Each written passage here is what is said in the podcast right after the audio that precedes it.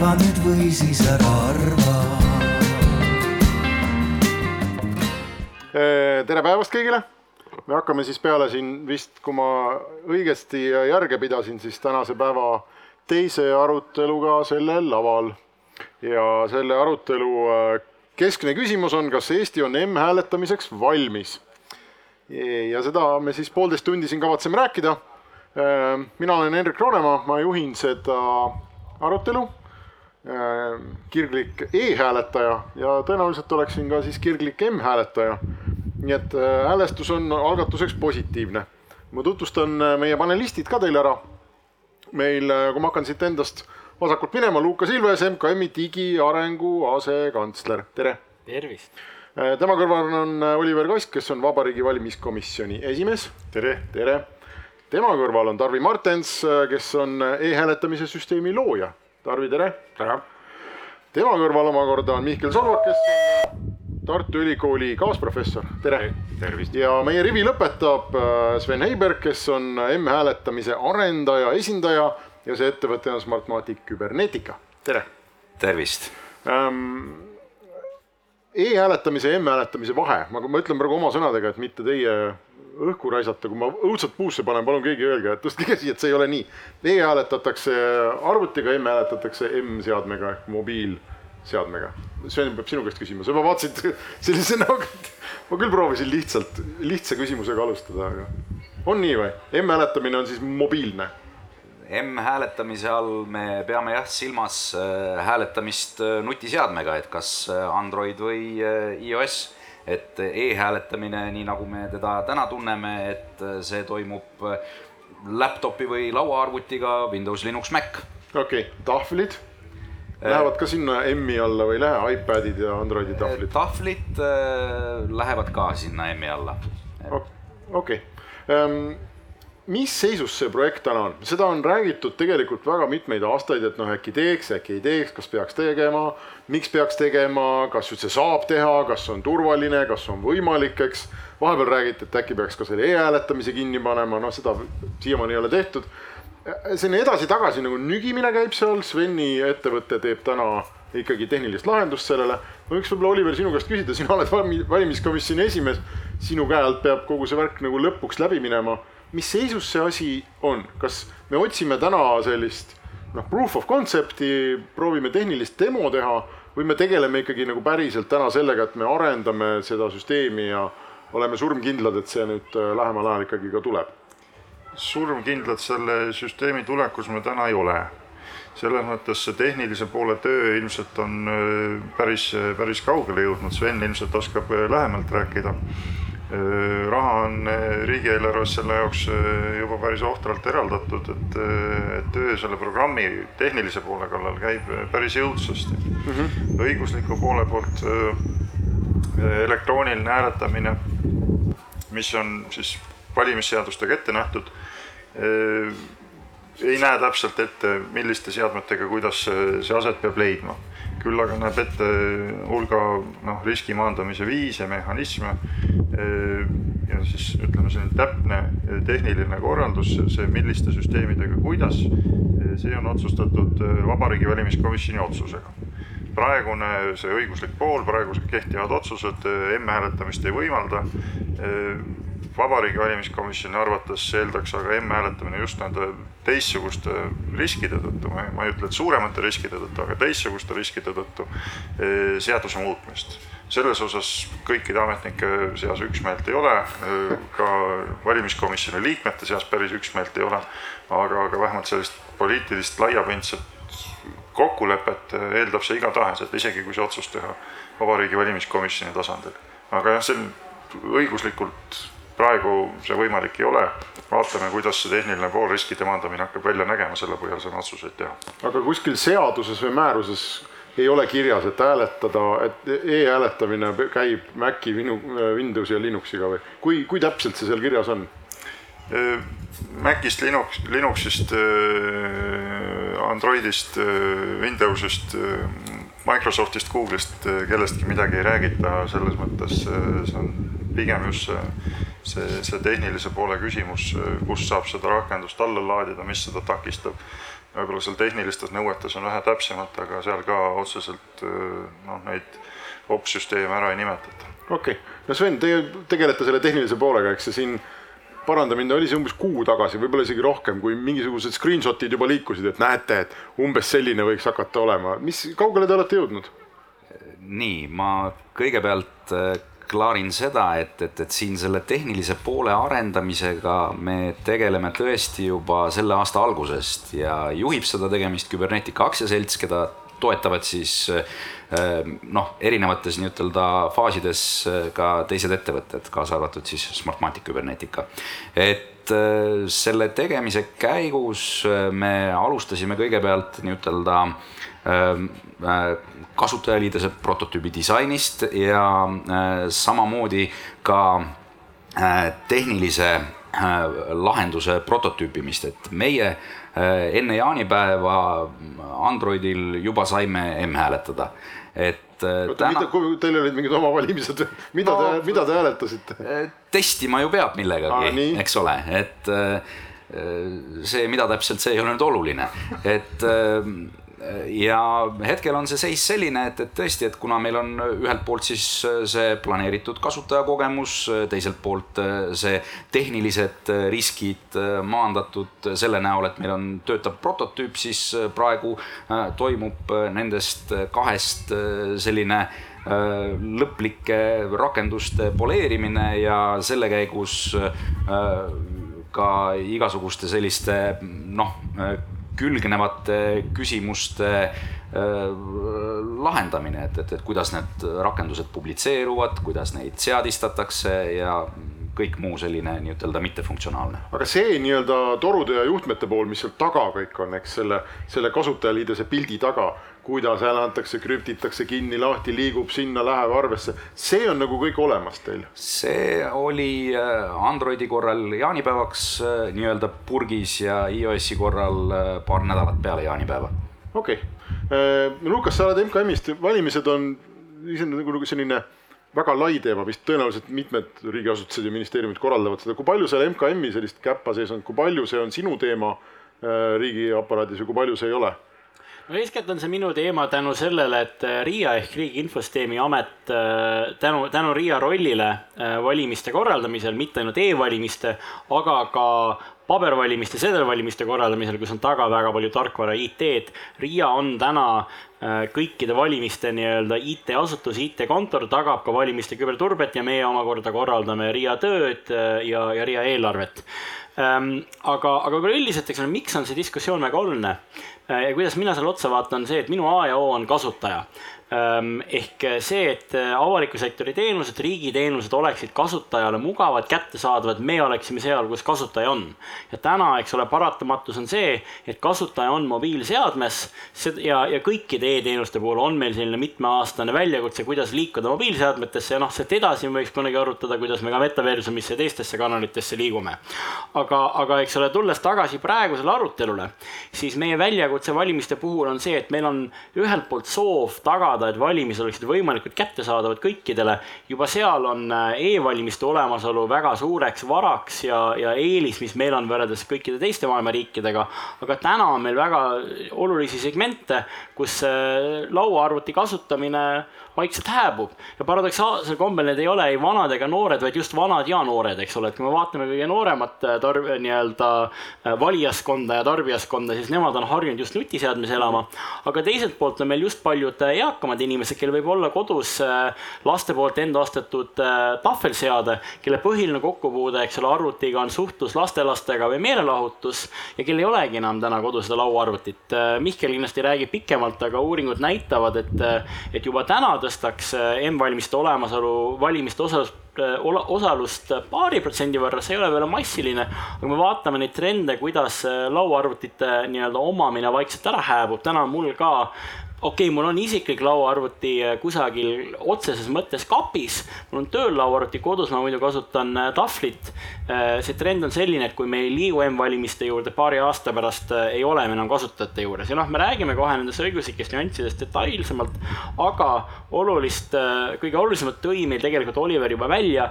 seadus räägib sellest, et e-valimised on äh, interneti teel hääletamine arvutiga, see on internetiga ühendatud arvuti.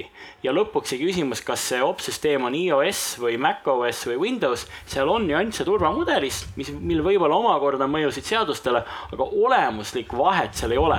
ehk et see hüpe, mille või see muutus, millest me räägime, see ei ole mitte kuidagi võrreldav sellega, et me kaks tuhat neli-viis otsustasime, et nüüd on meil e-hääled mm. -hmm. see on raske, keeruline poliitiline otsus, me peame ära käima Riigikogu äh,, Riigikohtus ja kinnitama, et see kõik on põhiseaduspärane midagi sellist praegu liikudes e-valimistest M-valimistele ei tohiks olla. Äh, Mihkel, kuidas siis on sellega, kas M-valimiste tulek äh, viiks Eesti hääletusaktiivsuse sinna Põhja-Korea kanti üheksakümnenda protsendi juurde ja enamgi või? no õnneks mitte, et äh, siis võiks juba kahelda, on ju, et kas meil on yeah. vabad valimised, aga noh, ma arvan, et ta natukene tõstaks küll, sest noh, esiteks, kui me vaatame, milline on see juurdepääs, siis noh, nutiseadet siin kuni eh, neljakümne viie aastaste seas sada protsenti ja seal seitsekümmend viis pluss, seal on ka viimastel andmetel seal kuni kuuskümmend protsenti tegelikult eh, on juurdepääs. kui me vaatame, kuidas seni näiteks noh, see tuleb ilmselt, siis on ju mobiil-ID-d on vaja, võib-olla Smart-ID ka on ju, seda saab ka natukene arutada siin veel aga juba viimastel Riigikogu valimistel kasutas mobiil-ID e-hääletamiseks seal kolmandik valijatest on, nii et tegelikult see on juba massiivselt kasutusel, et inimesed juba hääletavad, kasutades seda nutiseadet küll siis identimiseks on ju mm. -hmm. ja kui me vaatame neid osakaalusid seal ka mittevalijate seas, keda meil ikka veel on, on ju sealt see, see mõju valimisosakaalule tuleb, siis eh, ega nende seas on see, need osakaalud sama suured, et juurdepääs seal keskmiselt on üle üheksakümne protsendi ja ma julgeks pakkuda, et see mobiil-ID kasutamine ka tegelikult samas suurusjärgus nii et äh, ega neid vist praegused nii-öelda valimisvõimalused aktiivselt nii-öelda takistanud ei ole osaleda, aga, aga osal seltskonnal, ma arvan, tegelikult see motiveeriks ikkagi, sest see läheb siis veel kraadi võrra lihtsamaks jällegi seadmesse, mida nad siis igapäevaselt töiselt või kodus kasutavad, nii et noh, mingi, mingi tõus seal kindlasti tuleb. Tarvi, sina oled äh, selle e-hääletamise süsteemi looja ja mul on küll jäänud väga tugev tunne aastate, ütleme viimaste aastate jooksul sinu äh, ülesasteid ja ka niisama sinuga vesteldes, äh, äh, et sa pigem nagu ei ole kogu selle M-hääletamise värginduse poolt. Ähm, kas mul on jäänud enam-vähem õige mulje või ütleme, et vähemasti sa oled üsna skeptiline olnud selle suhtes, mitte, mitte kohe kahe käega poolt, et jess, lähme tegema. sa oled õigesti aru saanud.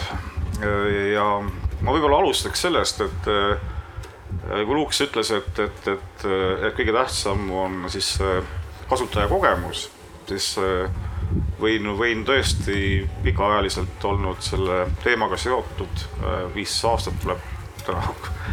et, äh, et tegelikult on number üks, on selle süsteemi turvalisus. sest kui sa e-hääletamissüsteemiga kuskile puusse paned, siis no kantakse asi maha ja seda on juhtunud maailmas korduvalt ja korduvalt ja siis maetakse see teema vähemalt dekaadiks või kaheks on ju äh, vaiba alla, nii et, et siin on nagu umbes sihuke sapööri värk, et saad ühe korra eksida ainult on ju. Ehm, ja, ja see, sellest lähtudes on kogu, kogu seda süsteemi ka nagu aegade jooksul äh, arendatud. ma praegu võib-olla ei tahaks sinna minna äh, et, et, et küsida, et mis probleemi me selle M-hääletamisega lahendame ja kust, kust tulevad need, need arusaamad, et inimestel ei ole arvutitele juurdepääsu. jah, nutiseadmete osakaal tõuseb, aga tõuseb ka lauaarvutite osakaal. aga ma saan aru, et sinu mure nagu number üks on mitte, et sa vihkaks telefoni, vaid et sul see süsteemi turvalisus on ja. see, mis paneb sind äh, pigem kahtlema selles. ma, ma kohe jõuan sinna, eks ole ehm meil on praegu noh, jah, ma ütlen, et need teemad, mis me võiksime läbi käia, on see, et noh, iga järgmine platvorm, kust hääletada saab, see on ekstra arendus, ekstra kulu, seda peab ülal pidama, seda peab toetama, eks ole. noh, et, et küsides, et noh, me oleme vaadanud aastaid ja aastaid, et Linuxi kasutajaid on null koma viis protsenti, aga me ikkagi toetame, paneme sinna eraldi raha, noh ja, ja peaks küsima, et mis, mis probleemi me lahendame, et kas tõesti me lahendame nüüd siis, et, et inimesed ei ole võimelised kuue päeva jooksul nagu arvutit kasutama, noh, ma, ma nagu ei nagu ei osta seda väga palju ära. aga fundamentaalne probleem on siin selles, et see seade, millest sa äh, hääletad, olgu siis ütleme, et arvuti jah, siis see arvuti ei ole noh, selle turvalisust ei ole võimalik äh, kontrollida süsteemil. Arvuti, hääletaja arvuti või seade, millest ta hääletab, see on kõige nõrgem koht. ja kui seal on äh, süsteem ära pussitud, on seal mingi kuri trooja või asi, kes sinu hääle ära muudab või mida iganes, nii et, et sa arugi ei saa siis on väga halvasti ja kui see ründe on väga laialdane, siis see juba tähendab juba e-hääletamise tulemuste tühistamist, mille järgi on algusest peale olnud ka seadusjärgne võimalus. ja noh, seda ei taha nagu vist keegi oma halvimaski unenäost näha.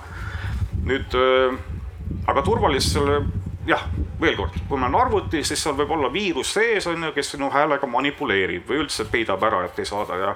ja meil on nüüd olnud aast kaks tuhat üksteist on olnud niisugune suurepärane võimalus äh, kontrollida, kas su arvuti käitus hästi või mitte. ehk siis see on seesama äh, QR kood, mis tuleb hääletamise lõpus ja siis sa võtad oma nutiseadme, kus on teine rakendus, kontrollrakendus ja siis sa vaatad Äh, kas sinu hääl jõudis õigesti kohale. ja need on erinevad seadmed, eks? Need on erinevad seadmed, see fundamentaalne ongi selles, et, et kahte seadet korraga nakatada on väga raske. võimalik, aga väga raske. nüüd ja, ja nüüd meil on huh, see, see teema olnud laualt maas, see oli minu jaoks kogu aeg selle süsteemi kõige nõrgem koht, et me ei saa nagu pakkuda kasutajale võimalust kontrollida, et kas tema hääl jõudis kohale. nüüd on see maas. Nüüd, kui me hakkame nüüd siis Äh, nutiseadmega hääletame, millega me siis seda kontrollime? võib-olla peaks Sveni käest küsima, kui te hääletasite seal äh, suitsuvorsti ja lastevorsti vahel või ma ei tea, et millega te kontrollisite, et kas läks õigesti? me kontrollisime teise nutiseadmega. okei okay,, nii et ma lähen äh, sõbra, lapse, abikaasa juurde ja ütlen, et kuule, laena mulle oma telefoni, et ma tahan oma häält kontrollida, niimoodi jah, täpselt sedasi kontrollisime. Okay.. selles mõttes, et äh, see äh, noh, ütleme, on olnud äh, nende arenduste eel üks selline noh, teravamaid küsimusi, et, et, et kui me nii-ütelda pakume välja uue kanali hääletamiseks, siis me peaksime sellele välja pakkuma ka nii-ütelda kontrollimise mehhanismi ja võimalust. Äh, ning äh, seesama, mida Tarvi välja toob, et meil tegelikult on olnud nii-ütelda nutiseadmetel roll valimiste juures äh, juba aastast kaks tuhat kolmteist, et, et, et see noh, ütleme nüüd siis nii-ütelda hägustub. Et täna äh, see tehniline lahendus, kus me, äh, mida me välja töötame, äh, see eeldab seda, et seda m-hääletamise tulemust saab kontrollida samal moel nagu praegu e-hääletamise tulemust ning noh, see on natukene ka nii-ütelda sellist protokolli arendustööd nõudev, et tekitada neid viise, kuidas me seda nii-ütelda Äh, nutiseadmes antud häält saaksime kontrollida ka ilma teise nutiseadmeta. aga siin säilib alati äh, see keerukus, et see äh, kontroll ja hääletamine peavad olema üksteisest mingil moel sõltumatud, ehk siis siin jääb alati kehtima kas mitme erineva seadme nõue või siis nõue mingisugusest informatsioonist, mis liigub mingit olemuslikult teist kanalit pidi, näiteks paberil, nagu on olnud. Hääletan mobiiliga, saan kolme päeva pärast tuleb ümbrik postkasti, et palju õnne, hääletasite selle ja tolle poolt. ekstreemsuseni viidud näide, aga sellisena tegelikult ütleme, väljaspool Eestit katsetatud individuaalse kontrollimise protokollid on sageli ka töötanud ja töötavad tänagi. või saan faksi näiteks. saad, saad enne hääletamist ühe nii-ütelda bülletääni, kus on sinu spetsiifiline informatsioon ja hääletamise järel saad SMS-i telefonile ning siis nii-ütelda kontrollid sealt kataloogist ja vaatad, kas oled nii-ütelda rahul või mitte. ja kas see kõik okei okay., see, mis Sven räägib, kas see võtab selle hääletamise äh, kontrollimise teema nagu maha või ei võta? Tarvi ütleb, et ei võta, ma arvan. ei no sõbra telefonist võib kontrollida ju, mis selles halba on? jah, no just, nüüd küsime seda, et kas inimesel on rohkem kaks, kaks telefoni või on tal üks arvuti on ju, kumba tal rohkem on, eks ole, või nojah, ja siis sõber saab ka teada ju, kuidas sa hääletasid võib-olla. seisab selja taga. Taga. Oliver, sa tahtsid kommenteerida? Tarvi võtab sõnad suust selles mõttes see, see, see põhiline probleem just ongi, et, et vähestel inimestel on äh, kaks nutiseadet, et, et ühega kontrollib, teisega hääletab. Et äh, valik, et äh, sa kontrollid siis arvutiga, eks ole, nagu seni on hääletatud, et see lihtsalt tähendab seda, et senimaani hääletad arvutiga, kontrollid nutiseadmega siis vahetad need ära, et sellel ei ole mitte mingisugust praktilist väärtust, seda ja seda ei hakata tegema. ja tegelikkuses praktikas on see, see hääle kontrollimine väga noh, väga vähe levinud, ikkagi tugevalt alla kümne protsendi inimestest oma häält kontrollib, aga, aga just see, see, see võimalus kontrollida, see on see, mis, mis loob valimistele seda legitiimsust, usaldusväärsust, et kogu ühiskond neid, neid hääletustulemusi usaldab. ja see, see oluline ei ole mitte ainult see, et mina iseenda antud hääle õigsust saan kontrollida ja usaldan, et näe, minu hääl jõudis kohale, vaid oluline on ka see, et noh, kogu ühiskonnas laiemalt, eks ole, et, et miks me neid valimistulemusi tunnustame, miks me arvame, et Riigikogu on see, kes võiks meie, meie, meie, meile käske ja keelde seada, on just see, et, et see on ühiskonna enamus, eks ole, ühiskonna enamuse tahe, et valijate tahe. et me peame ka usaldama seda, et, et kõikide teiste inimeste hääled on jõudnud õigesti kohale. aga oota, ma nüüd lihtsalt selgituse mõttes või ma ei saanud päris täpselt aru, kas sa, kas see on okei okay sinu arvates, et sõbra telefoniga kontrollida või see pigem ei ole okei okay?? see, see, see, see kindlasti ei ole okei okay., selles mõttes, et kus sa seda telefoni võtad, kui sul on mingisugune elukaaslane, perekonnas keegi teine, siis see viib selleni, et see perekonnaliige seisab sul kõrval seal ja, ja võib-olla, võib-olla annab, eks ole, võib-olla lubab sul minna teise tuppa, magamistuppa ja seal seda kontrollida, aga, aga see on vähetõenäoline. see ikkagi viib sellise perekondliku koos hääletamiseni, mida me leiame jah, Iraanist, eks ole, ühest teisest riigist veel, mis. kehtestame m-hääletamise, siit on väga väike samm Iraani ühiskonna tekkimiseks. ilmselgelt ei ole Euroopa standarditega kooskõlas. see, see sõber või naabrimees, eks ole, ma võtan tema telefoni, noh kui mul on võimalik valida, et, et kuule, ole hea sõber, et anna oma telefon, ma käin sellega kuskil nurga korra ära, vaatad su sõnumid, loen ka läbi. midagi seal sellega, eks ole, et, et noh, see peab olema väga hea sõber, eks ole, kes selleks valmis on, seades kahtluse alla kõikide oma ülejäänud isikuandmete kaitse ja kui mul on võimalik valida, et kas ma seda teen või mitte, eks ole, et hääletada ma saan oma telefoniga, et seda häält kontrollida selle teise seadmega, siis ma, ma jätaks ka pigem selle hääle kontrollimata, et noh, ehk, ehk jõudis kohale, et ega ma ei hakka siis sõbra nagu seda usaldust nii väga kahtluse alla seadma, et selles mm -hmm. mõttes see on kindlasti see kõige suurem risk ja kitsaskoht, mida, mida valimiskomisjon on ka senimaani peamiseks takistuseks, ütleme, kogu selle m-hääletuse puhul pidanud. okei okay,, Lukas kaks asja, esiteks ma arvan, et äh, Tarvi üldine konservativism äh, valimiste turvalisuse osas on täiesti õigustatud, et me peame olema hästi konservatiivsed. Ähm, ja ma julgen öelda, et meie lähenemine praegu M-valimistele on ka olnud küllaltki konservatiivne me alustame sellega, et me teemegi selle rakenduse valmis, mis on kõikide muude arutelude eeltingimus. ees seisab ka väga põhjalik testimine ja, ja mõistagi seda ei lasta reaalselt käiku, enne kui valimiskomisjon on sellega rahul, äh, riigi valimisteenistus äh, ja muidugi ka, ka Riigi Infosüsteemi Amet, kes äh, ka selles testimises osaleb.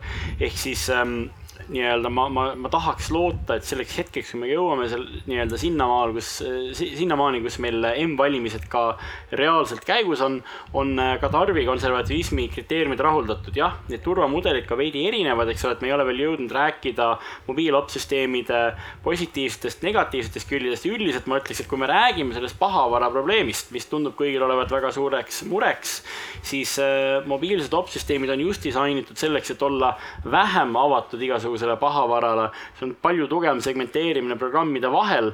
Ehm, mu isiklik subjektiivne ehm, kindlasti sellega võib vaielda, arvamus on see, et me suudame teha M-valimised turvalisemaks, kui täna on e-valimised, aga seal on ka eeltingimusi. nüüd minu arust see arutelu selle kontrollrakenduse üle on, vabandust, täielik pseudoarutelu. täna toimub kontroll selle üle, kas sinu hääl, ei, las ma, las ma palun selgitan, kontrollimine ise ei ole pseudoarutelu, aga täna toimub see kontroll selle üle, kas hääl on jõudnud läbi selle, et sa skännid QR koodi. QR kood on bitti, on, on bittide, baitide kogum, sisuliselt alfanumeeriline string.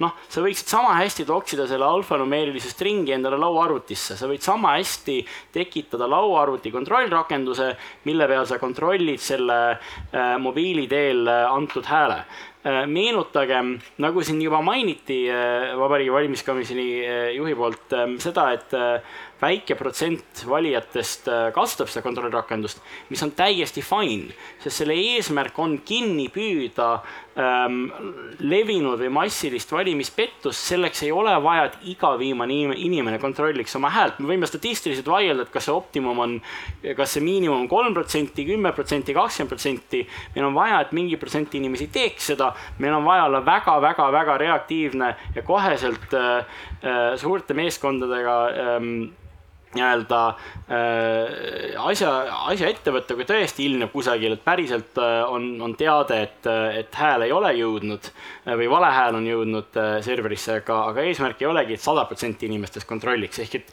kui meie nii-öelda eesmärk, see põhjus, miks meil, miks me kontrollime ähm, häälte jõudmist serverisse, on tekitada piisavaid äh, lisakaitsemehhanisme selleks, et tuvastada äh, tehnilisel tasandil sooritatud äh, valimissüsteemi kompromiteeritust noh, siis meie küsimus peaks olema, kuidas me seda mobiilseadmetega teeme, mitte kas me üks-ühele täpselt seda verifitseerimist, mida me täna teeme ähm, mobiils- äh,, nii-öelda teeme nii-öelda laptop äh, või, või lauaarvuti hääletustega, saame üks-ühele replikeerida äh, M-valimistega.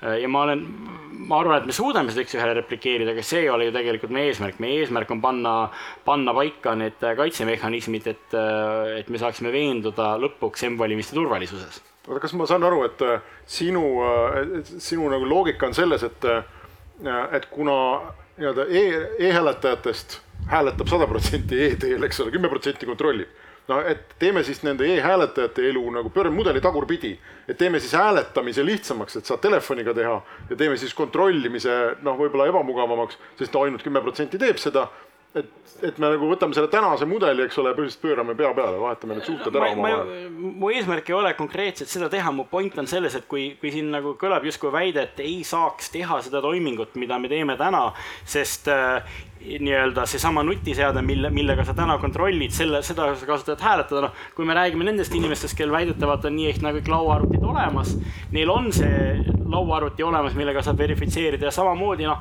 kui me väidame, et inimestel ei ole teist nutiseadet, ma ei ole selles nii kindel, kui meil on täna, eks ole, mobiiltelefon, ilmselt on enamustel inimestel juba nii-öelda vanad äh, mobiilid kusagil sahtlis, siin on tahvel, siis kui me hak-, noh, me võiks panna kokku need numbrid ja pean tunnistama, et mina ei ole seda teinud, ma ei tea, kas keegi teine on, mis on see protsent inimestest, kel on äh, tõesti ainult üks äh, nutiseade või noh, mida, mida me nutiseadme all peame silmas, okei okay,, selleks, et inimestel oleks mugav, ütleme seade, mis su suudab lugeda QR koodi ja teha selle nii-öelda toimingu, toimingu, mis siis suhtleb, suhtleb valimiste serveriga. no ma arvan, et see seade, millel on olemas kaamera, mis suudab QR koodi lugeda ja siis rakenduga valideerida, kas see hääl on jõudnud, ma arvan, et see teine seade on päris paljudel olemas, kindlasti piisavalt paljudel, et kui me teeme selle veel mugavaks, pigem võiksime tõsta verifitseerimiste protsenti, mitte langetada seda M-valimistega. Okei okay,, Sven, mis need teised variandid, no sa natuke juba rääkisid, eks, et võib sa umbes saata ümbriku või faksi või noh, võib kanarilind võib, eks ole, kord päevas kuskilt Pika Hermanni tipust kireda midagi.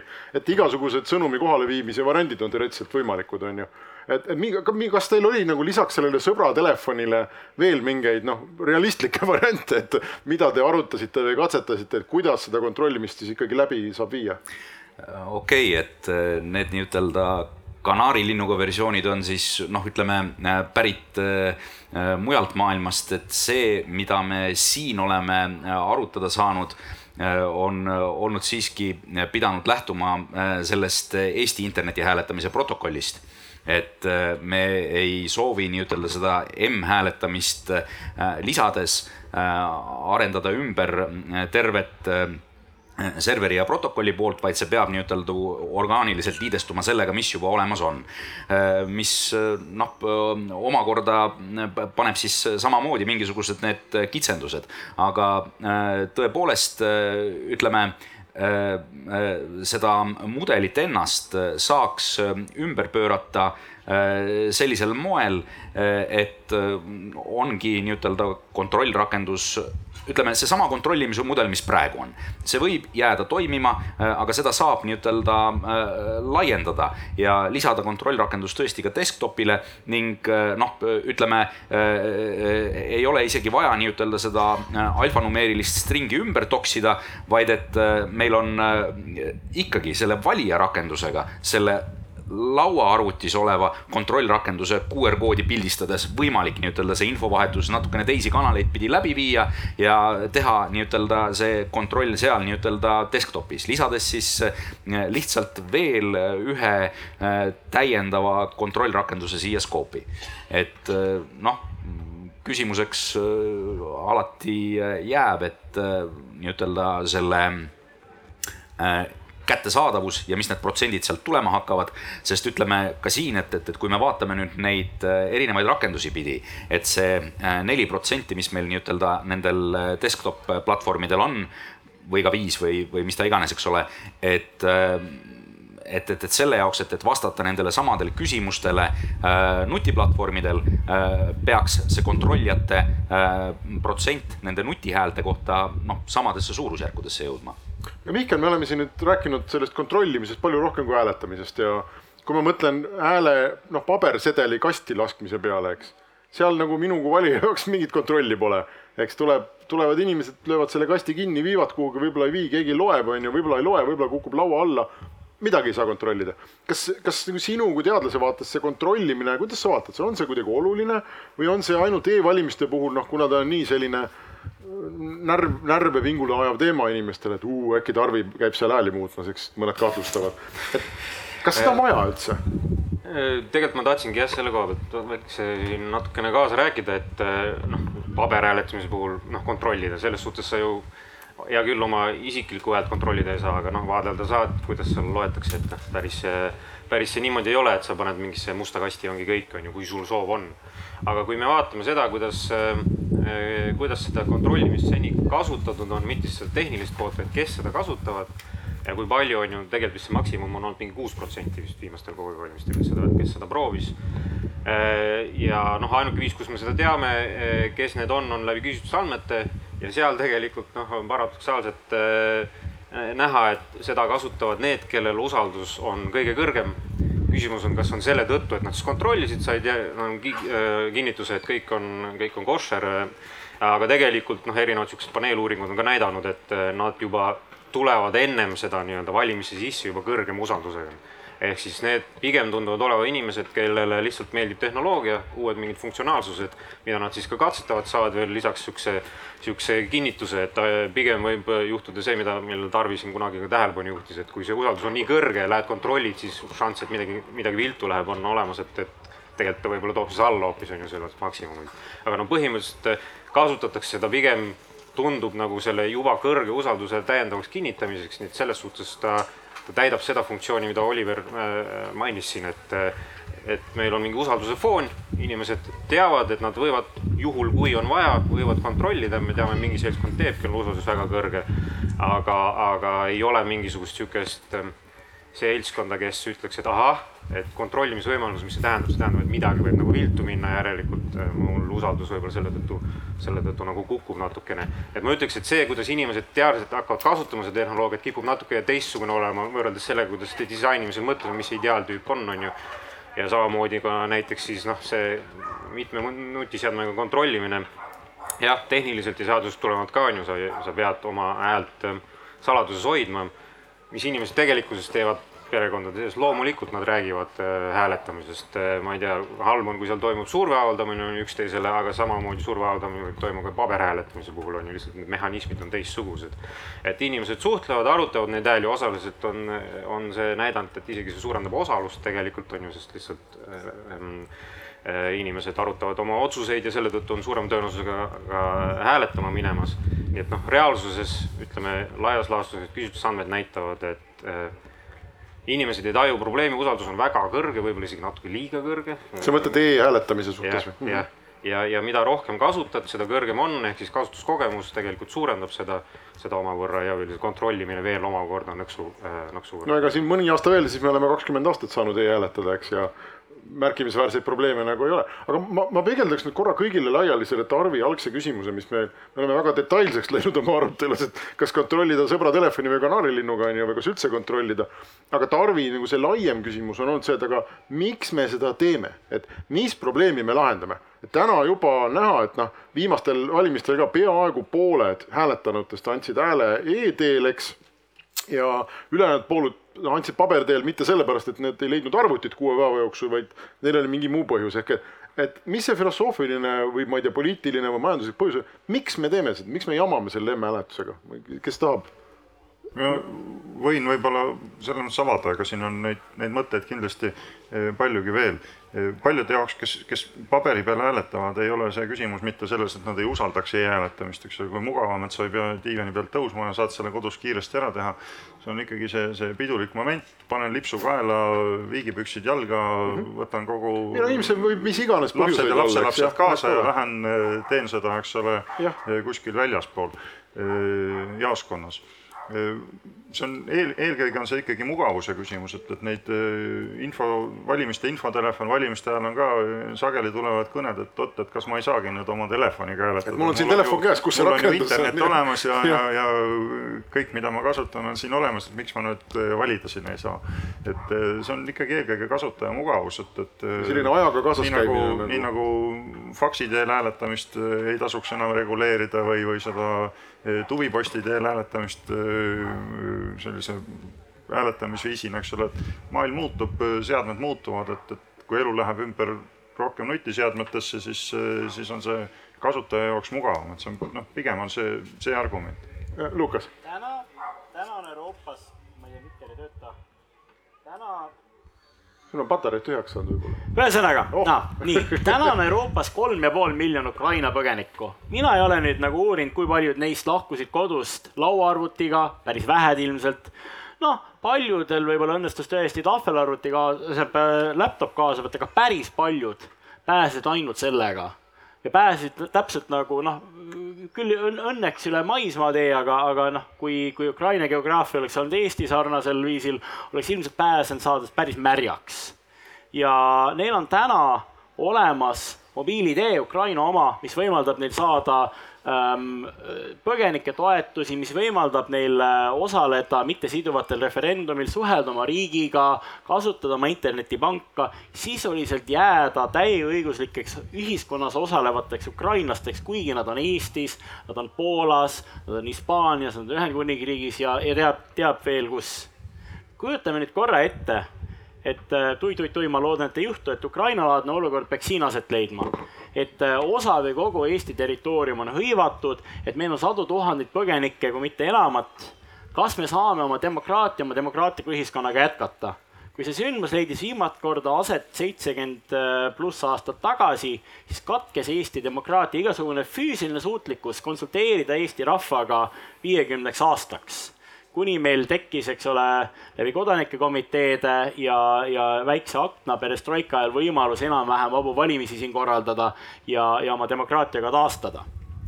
nüüd, täna on meil võimalus mitte jääda sinna lõksu. Äh, jah see nõuab, see nõuab tööd ja vaeva, jah, on mingi küsitavus, aga minu jaoks on tegelikult eksistentsiaalne küsimus Eesti Vabariigile. kas me teeme kõike selleks tagamaks, et meil on võimalik kodanikena osaleda demokraatlikus protsessis äh, tehnoloogiate viisil, mis, äh, mis nii-öelda peavad vastu väga keerulistele äh, julgeolekuolukord, julgeolekuolukordadele ja, ja muutustele. rahuajal võib see välja näha kui mugavusteenus, näeb välja kui mugavusteenus, et ma võin välismaal olles saja viiest, sajast viiest riigist hääletada, kuigi välisesindusi on meil täna kolmekümne viies, neljakümnes. kuigi ma ütleks, et ka rahuajal on see juba päris mõnus äh, panus demokraatiasse. noh, näeb, võib-olla näeb välja mugavusteenusena, et äh, pensionär kelle jaoks äh, ei ole nii lihtne jõuda jaoskonda, et ta ei pea alati nii-öelda välja kutsuma inimese, kes siis nii-öelda tooks selle valimiskasti füüsiliselt kohale, vaid ta saab seda teha elektroonselt, mugavusteenus rahuajal. sõja ajal, kriisi kontekstis ta ei ole. ehk siis ma, see, see, see kõik, see, see kõlas veidi, võib-olla veidi pateetilise argumentatsioonina, kindlasti see ei ole. see kõlas isegi hirmutamisena. see ei natuke. olnud põhjus, miks me peaksime ähm, nii-öelda kuidagi langetama oma standardeid, mis puudutab turvalisust, mis puudutab kõiki neid kontrollmehhanisme. me peame seda põhjalikult, me peame seda rahulikult tegema, me ei tohi kiirustada. aga kui sa küsid, Hendrik, minu käest lõpuks, miks me seda teeme, kas me teeme seda selleks, et inimesel oleks natukene mugavam ja kas meil on ka mingid muud ühiskondlikud, riiklikud kaalutlused taga, mis vastavad sellele miks küsimusele siis jaoks see miks küsimus on palju enamat kui lihtsalt see, et oleks mugav, aga ma tunnistan, et noh, rahuajal selle mugavuse väljend on miski muu, aga me loome sellega siiski nii-öelda võimaluse, mida me saame nii-öelda väga ebameeldivates olukordades kasutada ja noh, kaitse planeerimise igasuguse nii-öelda ähm, selle valdkonna tegevuse eeldus on alati see, et sa valmistad ette stsenaariumiteks, mille puhul sa loodad, et need ei realiseeru. Aga nad loovadki valmisoleku ebameeldivaks olukordadeks, ehk et jaoks see miks, see on seotud selle kasutajamugavusega, see on seotud sellega, et noored ja vanad äh,, kes kes ei oma täna tingimata lauaarvutit, saaksid osaleda, aga see ei piirdu ainult sellega. Tarvi, kui te omal ajal, äh, see oli siis, ma arvan, suurusjärgus paarkümmend aastat tagasi on ju, kui, kui seda e-hääletamise, praegust e-hääletamise süsteemi hakati tegema. Ehm, ma olen suhteliselt kindel, et sa pidid vastama samasugustele küsimustele, nagu sa nüüd ise esitad, et nii, Tarvi, kuule, aga mis probleemi me nüüd lahendame, inimesed hääletavad, no käivad, lasevad seal, miks me jamame sellega? kas, mis sa ütlesid neile tookord ja kas needsamad argumendid su enda sees täna nagu kehtiksid et noh, et me lahendame sama probleemi, et me teeme hääletamise kaasame, kaasaegsemaks ja toredamaks inimestele. ja ma arvan, et sel ajal ma mäletan seda mõttekäiku eh, rohkem niipidi, et inimesed laialt küsisid, et ma saan nii palju asju internetis teha, ma teen kõik oma pangandused, tööd, digiallkirjad, kõik teen ära, mis, mille kuradi pärast ma hääletada ei saa. Ja sellel ei olnud nagu head vastust tegelikult, eks ole. aga nüüd tulla sinu küsimuse juurde tagasi, et miks see M-hääletamine ja miks üldse, siis ma, ma seda sõjaretoorikat muidugi väga huvitav mõte, äkki, äkki peakski olema niisugune varu, varu väljapääs niisugusteks olukordadest, mis, mis siis sõja ajal juhtub, et tekivad teised mm, noh, võimalused, noh, nii nagu meil on andmesaatkonnad ja välismaale back, back-up itud asjad ja noh, kõik siuksed asjad. et see võib-olla on täiesti mõistlik mõte, aga ma lihtsalt arvan, et rahuajal seda turvalisuse standardit alla tuua ei saa. just sellesama kontroll küsimuse pärast, mida me siin pikalt jaurasime. Ja kui me vaatame, et mis jama see kõik kaasa toob eks ole, et seesama kontrollprobleem, siis ta toob kaasa, mis jama ta veel toob, ta toob kaasa kulud platvormidele, uutele platvormidele, nende ülalpidamisele, nende toetamisele. see on ühesõnaga kaks jama juba ühes hunnikus, nii, ja, ja nüüd kaalume seda, mida me siis võidame. kui Lukas arvab, et, et sealt lukuaugust on mõnus hääletada, mina küll nii ei arva ma arvan, et ikka suure ekraani pealt on mugavam hääletada, see brausida nimekirju ja asju, et ma, ma ei saa küll aru, kuidas see lukuaugust, ma ei tea, liiseks võtab. et et, et, et, et, et palju me siis sealt võidame, eks ole, et noh, et nüüd siit inimesed saavad bussipeatuses hääletada ja, ja, ja metsas ja noh, milleks seda vaja on, vot sellest ma nagu aru ei saa. see probleem, et, et arvuti juurde ei pääse, mina ei usu, mina ei usu, et kuue päeva jooksul ei puudu. ühesõnaga, et see price performance on, on minu jaoks nagu praegu negatiivne, aga kui mõelda selle sõja asja peale, jaa, miks mitte, siis võib öelda, et ah, ei kontrolli ega midagi, pole hullu, et tegelikult see tõenäosus on väike ja nii edasi. aga me ei ole tulnud, tulnud, ma ei tea, kas me tuleme, aga, aga kõige hullem. meil on kõvasti aega, tuleme kindlasti päriselt, meil on päris palju arutelu veel ees, et me oleme ka kaugel sellest, et hakata kokku tõmbama. aga tuleme siis, tuleme praegu. tuleme praegu jah, minu jaoks üks, üks teine suur fundamentaalne probleem selle äh, M-hääletamise puhul on see, et äh, valimiste korraldaja ei ole enam võimeline kontrollima, kuidas ta oma valijarakendust jaotab no see on see äpipoodide teema, eks, et laed, laed oma äpi Apple'ile ja Google'ile ja siis istud ja ootad kolm nädalat, kas see valimiste päevaks välja ilmub või ei ilmu. ja, ja, ja siis nad kompileerivad seda kah kahekümneks erinevaks äh, variandiks ringi ja sul oli isegi võimalik veenduda, et kas see originaaliga üldse sarnased mm. -hmm. nii et sa tegelikult annad ameeriklastele ära noh, enda kontrolli selle valijarakendusele, millega sa siis seda see jutt on jah läbi käinud, et kui me seda teeksime sellisel kujul, on ju, et noh, see tähendab, et me tõenäoliselt peaksime tegema Apple'i ja Google'iga mingi eri kokkuleppeks, et nad peaks meile mingi erandi tegema. ma kujutan ette, Sven, et see, et sa ütlesid, et te Androidiga hääletate, et see põhjus on see, et Androidi sa saad lihtsalt oma desktopil tehtud kompileeritud rakenduse noh, telefoni laadida, see, see ei pea üldse läbi Google'i käima, eks. Eh, ei, tegelikult mitte, sest et eh, me ikkagi nii-ütelda Google'i poodi nii-ütelda selle testversiooni juba, juba laadisime, eks ole, tõsi küll jah, nii-ütelda testversioonina. Et aga see teema on selles mõttes küll õige, et, et, et kui vaadata seda, kuidas praegu toimub valijarakenduse levitamine Äh, milline kontroll äh, on äh, riigi valimisteenistusel selle valijarakenduse tervikluse üle, tema muutmise üle ja millised vahendid on tegelikult ka valija käes äh, veendumaks selleks, et see rakendus, mille ta alla laadis, on autentne, et seda ei ole muudetud, et see on nii-ütelda õige rakendus. et äh, siis äh, siin need nutiplatvormid, nad tõesti muudavad mängu, et ütleme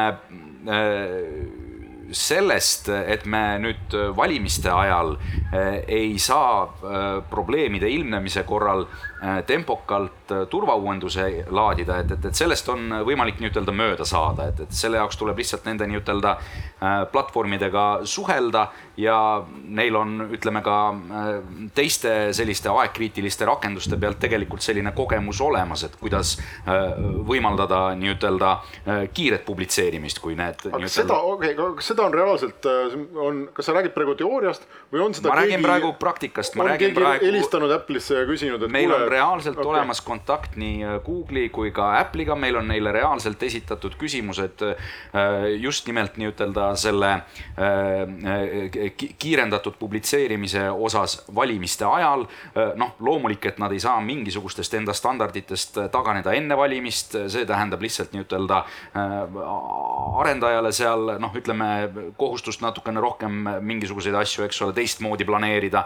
et ja teine suur selline küsimuste ring, mida me oleme küsinud, äh, on tõesti äh, see, et kui meie nüüd paneme ühe enda poolt allkirjastatud binaari sinna poodi minema, et siis kuidas me pärast ütleme pistelist kontrolli teeme mingisugusest suvalisest telefonist seda binaari kätte saades, et kas see vastab see nagu, jah, kas see on seesama rakendus? Ja ta kindlasti ei ole täpselt seesama, tulenevalt sellest, et kõik need nii-ütelda poed äh, nemad peavad tegelema äh, selle nutiseadmete loomaaiaga, mis meil äh, on hästi kirju.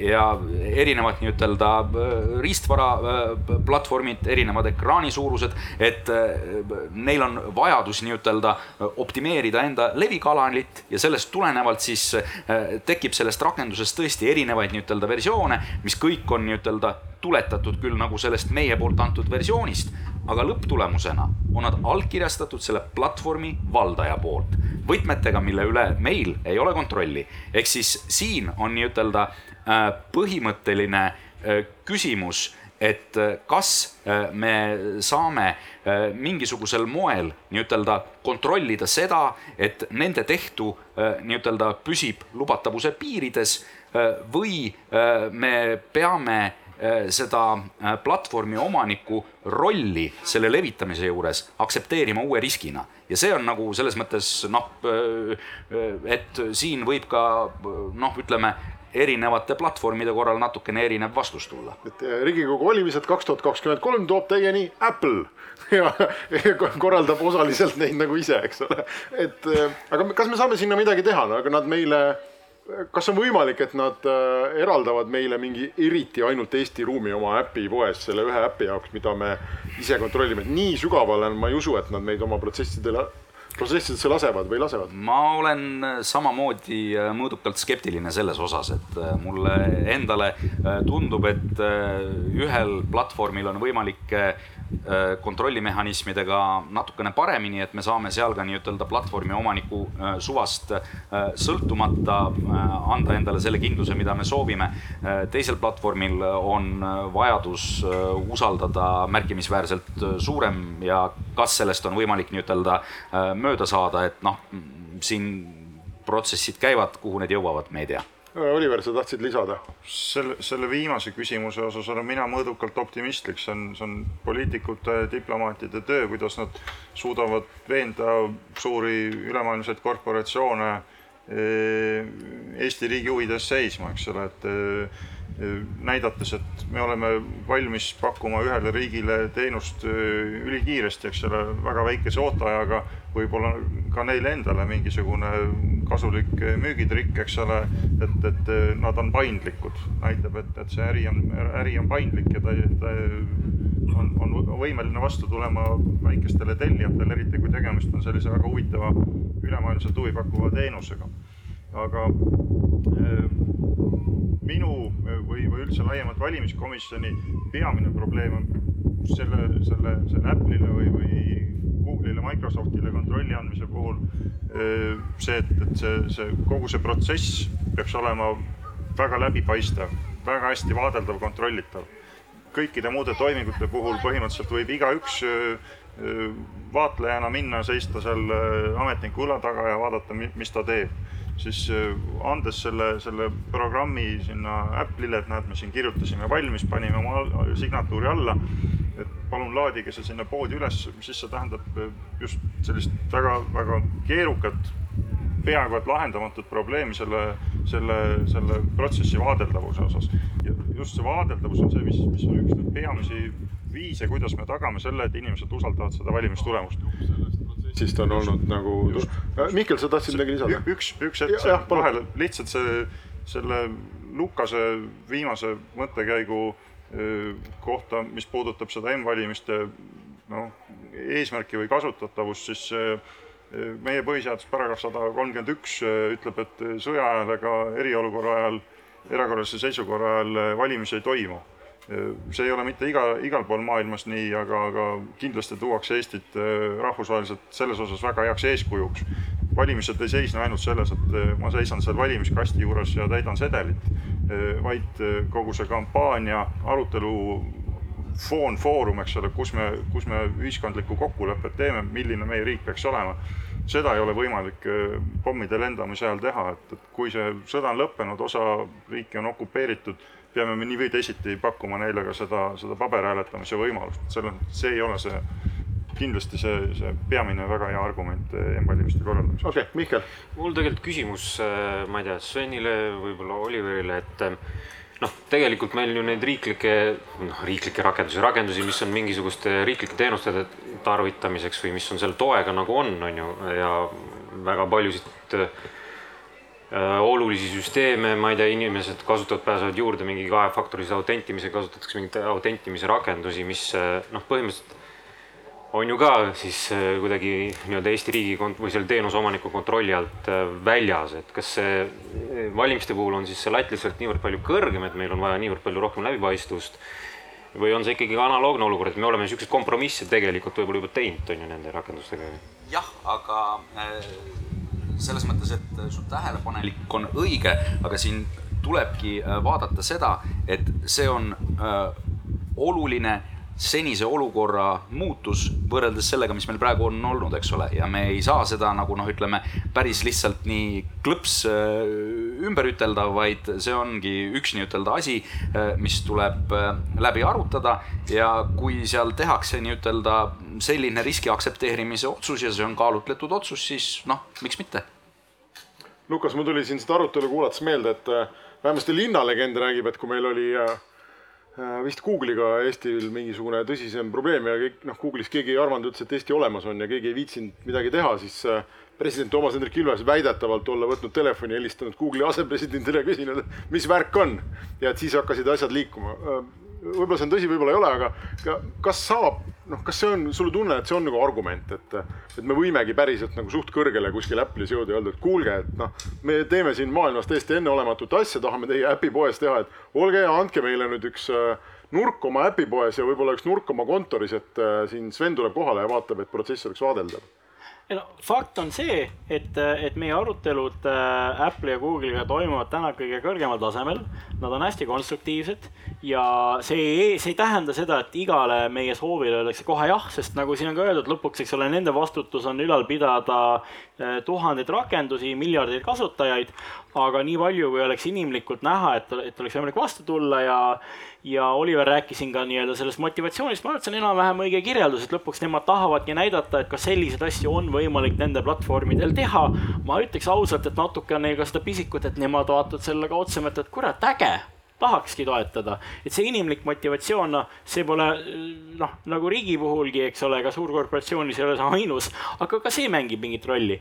et äh, ma arvan, et, äh, et selle taha see ei jää, et, äh, et meil puuduksid head suhted, et noh, lõpuks, eks ole, kas nad teevad kõike seda, mida me, mida meil on vaja, et me saaks veenduda ähm, protsessi turvalisuses, paindlikkuses, seda näitab aeg, praegused arutelud pigem äh, annavad mulle julgust arvata, et me jõuame sinna, aga noh, seda me saame lõpuks hinnata, kui see on toimunud. aga kindlasti ei jää selle taha, et meil puuduksid äh, suhted ja, ja suutlikkus nendega rääkida ja no ma arvan ka, et, ähm, et aastate jooksul on äh, arusaamine sellest, mis on Eesti ja Eesti suhted nende firmadega äh, väga palju muutunud.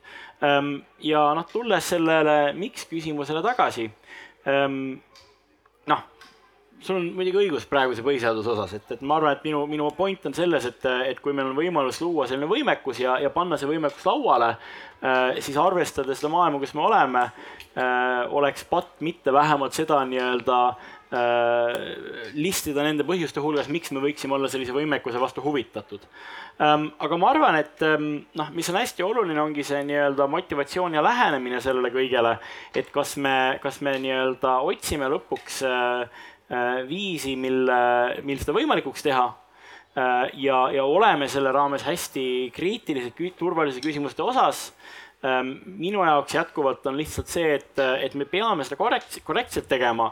ma ei oska öelda, äh, kas see on kahekümne kolmanda, kahekümne neljanda, kahekümne viienda aasta valimisteks kindlalt valmis. no ma väga tahaks loota, et kahekümne viienda, kahekümne neljanda aasta omadeks oleks kakskümmend kolm, see arutelu tuleb, see otsus on mõistagi valimiskomisjoni teha. aga makrotrende vaadates, äh, kuhu inimesed liiguvad oma tarbimisharjumustes, no lihtsalt kanda see maha ebavajalikuna, no mida me sisuliselt sellega ütleme, on see, et äh, inimeste nii-öelda ligipääs valimistele ei ole meile tegelikult prioriteet, ma lihtsalt faktiliselt ei nõustu väitega, et kõik inimesed, kellel on olemas äh, nutiseadmed, omavad ka desktop seadet ja ma ütlen kohe, et mina olen nende hulgas mul on tööandja poolt antud laptop seade, ei tea, kas ma peaksin tegelikult tööandja kontrolli all oleva äh, arvutiga hääletama, no ütleme, et antud juhul, eks ole, see tööandja on seesama üks nendest asutustest, kes korraldab neid valimisi, aga kui mu tööandja oleks äh, mõni erafirma, järsku mõni firma, kes aeg-ajalt, ma ei tea, hageb Eesti riiki või mis iganes, kas ma peaksin tema arvutit kasutama ja mul ei olekski kodus seda lauaarvutit, mida kasutada. ja siis mul ei olekski ligipääsu e-valimistele või no ma võiks minna mõne sõbra juurde ja kasutada siis tema, tema laptop'i selleks, et hääletada ja mina olen veel nagu juba suht vana inimene. et, et noh, minust on olemas äh, nüüdseks kuueteist aasta jagu nooremaid inimesi, kes on hääleõiguslikud kodanikud. Äh, noh, kui meil nüüd osaliselt langeb see kuueteistkümne peale peale lausa kaheksateist aastaga, ma arvan, et seal on väga-väga palju teisi minusuguseid, kel ei olegi kodus äh, enda äh, desktop seadet, see on lõpuks see motivatsioon. Ja ma lihtsalt, mu loogiline tähelepanek on see, et kui see ei loe, kui see on lihtsalt mingisugune mugavuse tilulilu, siis me tegelikult võiksime öelda, et meil ei ole e-valimisi vaja, sest siis kogu e-valimiste kontsept on mugavuse tilulilu ja me võiksime tagasi minna aastasse kaks tuhat neli. ma tean, et see kõlab veidi demagoogiliselt, aga minu jaoks, kui me nagu mõtleme seda motivatsioonipilti läbi, sinna me jõuame. mis tähendab, et kui me jätame turvalisuse kaalutlustel seda tegemata, mida me võime teha, kui, kui see turvalisuse kaalutlus jõuab sinna, me peame olema väga kindlad selles argumendis, et, et me ei saa lihtsalt öelda, et noh, meil on mingid turvalisuse mured, noh, parem oleks, kui siis ei teeks. me peame väga-väga nõudlikud olema selle, olema selles, et need turvalisuse kaalutlused kaalutlused, mis takistavad seda kasutamast, et on sellised väga rasked ja, ja kõvad kaalutlused. minu jaoks see kontrollrakenduse arutelu, minu jaoks ei ole veenev, et me ei saaks saavutada sama efekti. see koodikontrolli küsimus, see on, see on minu arust raske pähkel ja ma ütlen ka ausalt, et meil ei ole sada protsenti lõplikult veenvat lahendust sellele täna. see on üks nendest asjadest, mida me jätkuvalt arutame platvormidega, et kui, kui see turvakaalutlustel ei õnnestu, siis minu arust see põhjus, miks ta võiks mitte õnnestuda, ei ole seotud selle kontrollrakendusega, võib-olla on seotud selle nii-öelda äh, koodi signeerimise ja kontrolli küsimusega. aga ma ütlen ka seal, et, et noh, siin turvalisuse osas ei ole sellist asja nagu perfektset turvalisust ja me võiks alati ka korra küsida, kuidas on, kuidas on alternatiiviga. Äh, kuidas näeb koodikontroll välja, eks ole, praeguste e-valimiste puhul on see, et sa laed äh, valitsus, sa laed VVK vabandust, see on vana lühend ähm, sa la, laed, eks ole, valimised.ee veebsaidilt alla äh, valimisrakenduse ja siis on võimalik siis seda nii-öelda äh,, seda binaari, sa võid seda räsi võtta ja võrrelda, eks ole, valimiste veebsaidiga, kas need räsid kattuvad, noh äh,. sul on ka võimalik signeeritud rakendust alla laadida, aga lõpuks see räsikontroll on see nii-öelda kõige puhtam viis, kuidas olla täiesti kindel äh,. no selle räsikontrolliga ma ei tea, mis protsent inimestest seda nii-öelda läbi viib, suht väike, ma usun et, et ka seal, eks ole, me mingil määral jääme äh, mingisuguseid vaheetappe usaldama, me jääme seda nii-öelda signeerimist usaldama, mida lõpuks, eks ole, platvormidele, platvormidena Microsoft ja, ja Apple äh, toetavad. jah, need ei ole üks-ühele võrreldavad, aga noh, point on selles, et see turvamudel ei ole perfektne ka, ka praeguses desktop mudelis, ka seal on teatud oletusi, ka seal me sõltume inimeste harjumustest, et me nii ehk naa viime lõpuks sellise nii-öelda kaalumismängu ja tõenäosuste arvustuse läbi. Äh, sama asi kehtib ju ka pabervalimiste puhul, et noh, me võime alati läbi mängida selle tõenäosuste mängu, et mis on see tõenäosus, nagu sa ütlesid, keegi nii-öelda ähm, et see, et see valimiskast pannakse kuhugi kõrvale, noh, ma ütlen, et see tõenäosus on Eesti Vabariigis aastal kakskümmend kakskümmend kaks väga-väga madal, sest meil on väga palju kontrollmehhanisme, aga noh, null ta ei saa olla, puht, puht füüsiliselt see, see tõenäosus eksisteerib. ja, ja need turvariskide tõenäosus, need eksisteerivad kõikjal, küsimus on selles, kui, kui head on meie mehhanismid, et tabada seda, et eesmärk valimiste turvalisuse puhul ei ole tingimata vältida äh, igat võimalikku turvariski, vaid vältida seda, et me ei avastaks äh, ärakasut-, nii-öelda turvariski ärakasutamist Äh, et ei tekiks olukorda, kus äh, keegi manipuleerib hääletamistulemusega sedasi, et me, et me seda ei suudakski avastada. nii, okei okay., me oleme äh, nüüd tund aega siin rääkinud, meil on publik, kelle poole ma, mind on pandud seljaga istuma, see ei ole minu valik. aga ma küünitan siin korra ja kus mu mikrofon on, kuskil liigub ah,, palun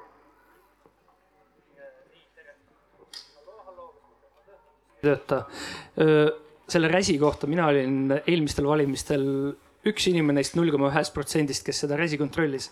see räsi ei äh, ühtinud ja minu kui valija, minu kui ajakirjaniku nagu nii-öelda lähenemine sellele oli see, et see ei ole kuidagi õige, eriti see teie kõigi nii-öelda see reaktsioon sellele, et aa, me nüüd panime ühte, nüüd on kõik okei. Okay.. aga okei okay,, ma ei tahtnud sellest rääkida, ma tahtsin seda küsida, see, see teema, millest te olite nüüd kõik pikalt rääkinud, see ruutkoodi kontrollimine teises seadmes ja niimoodi.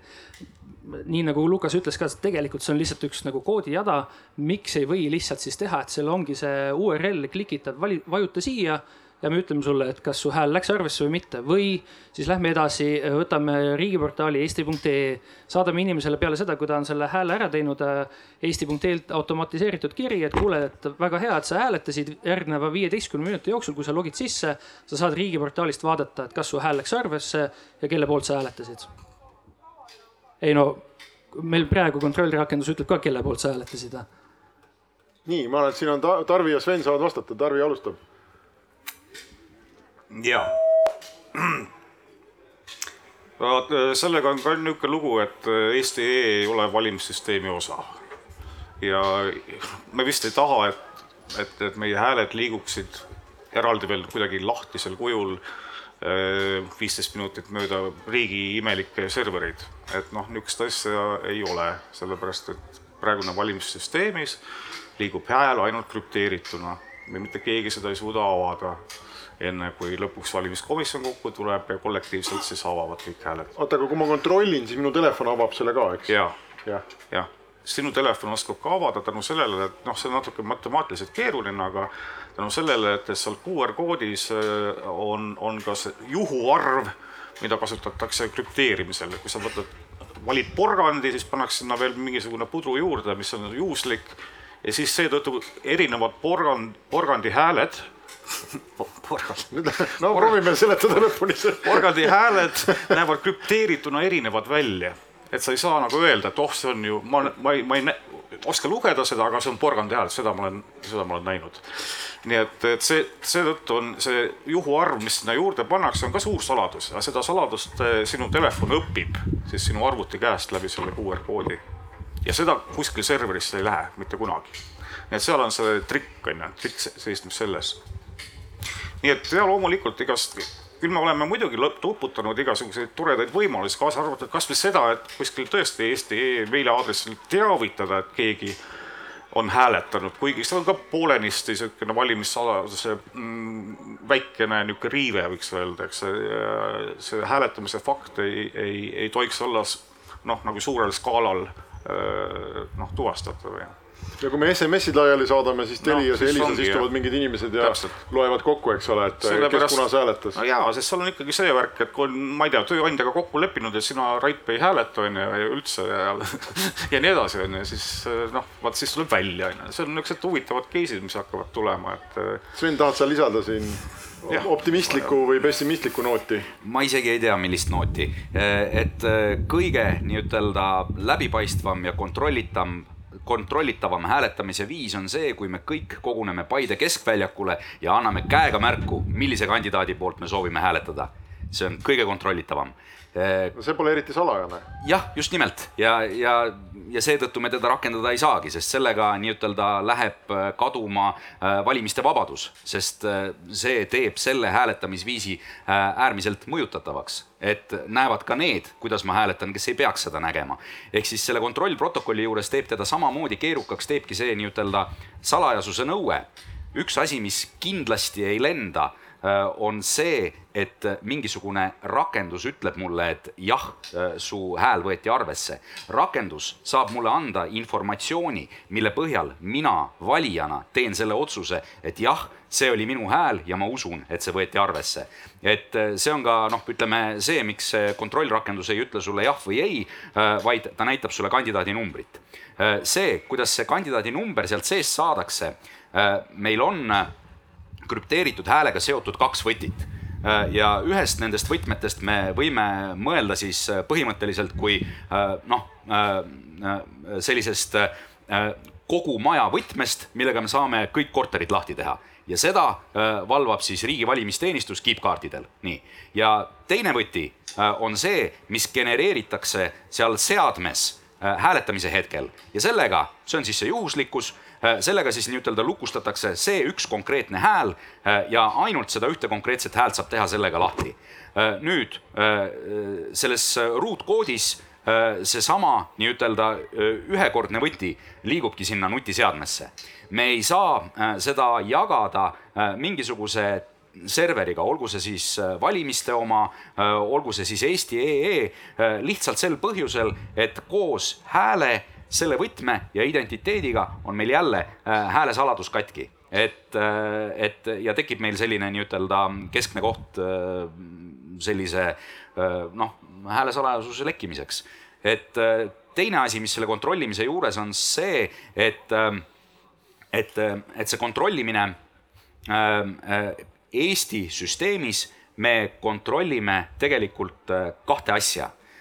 ja üks nendest on see et äh, mingisugune hääl minu nimel äh, jõudis äh, serverisse, võeti serveri poolt vastu. see on üks nii-ütelda kontroll ja teine kontroll on see, et see hääl, mille ma sinna nii-ütelda serverisse saatsin, et see on vormistatud minu tahte kohaselt ja just nimelt nii-ütelda see minu tahte kohaselt see noh, välistabki nii-ütelda selle, et keegi ütleb mulle, et jah, me võtsime vastu. ei, mina pean saama kontrollida ja veenduda, et jah, võeti vastu mm. -hmm.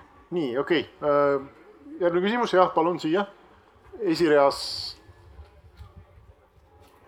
ja äh, aitäh äh,, Erkki Keldo, Riigikogu liige. et ma rohkem võib-olla isegi kommentaarina, et äh, minu arust nagu kõige olulisem küsimus, ma olen kõige selle tehnilise poolega, ma saan aru, mis oligi tänase arutelu suurem mõte, et kõik algab, turvalisus on A ja O. Ja seal kindlasti ei peaks ei ükski poliitik ega poliitiline jõud ka nii-öelda sõna sekka ütlema ja see peabki jääma täielikult äh, ekspertide kinnitada nii-öelda, et äh, on tehtud see maksimum, see, mida ka Lukas väga hästi kokku võttis. küll aga ma ei saa mitte kuidagi nõustuda selliste nii-öelda väidete või lausetega, et, et, et, et see, see, ma ei võta seda mugavusteenusena, et tegelikult, kui siin uuring näitab, et kasvõigi kaks protsenti valijaid võiks juurde tulla, et äh, millest me räägime? valimised on demokraatliku riigi alus, fundamentaalne, kõige olulisem asi, mis meil üldse ühiskonnas on kui see annab võimaluse, et meile tuua siin Viljandi linna suuruse jagu inimesi valimiskastide juurde, rääkides veel, millest kindlasti Mihkel oskab rohkem rääkida, valimiskäitumisest, et tegelikult anda valimisharjumus noorematele inimestele, et tegelikult selles protsessis kaasa rääkida. ja siis öelda, et mõne operatsioonisüsteemi üleval hoidmine on lisakulu sama hästi võiks öelda, et äh, ma peast ei tea, kui palju on valimisjaoskondi Eestis, et mitusada kindlasti, et ma arvan, et valimisoptimumi saaks välja arvutada, et kui palju optimaalselt hääli oleks vaja, saaks ka palju väiksemate valimisjaoskondadega. et tegelikult need argumendid minu jaoks mitte kuidagi absoluutselt ei päde ja on isegi nagu, kuidas nüüd pehmelt öeldes nagu veidrad. et tegelikult äh, nii-öelda põhimõtte kokkuvõttes jah, turvalisus on A ja O. kui me räägime riigi valimistest, siis tegelikult ka ise väga palju valijatega kohtudes päevast päeva, nädalast nädalasse ka valimisvälistel aegadel.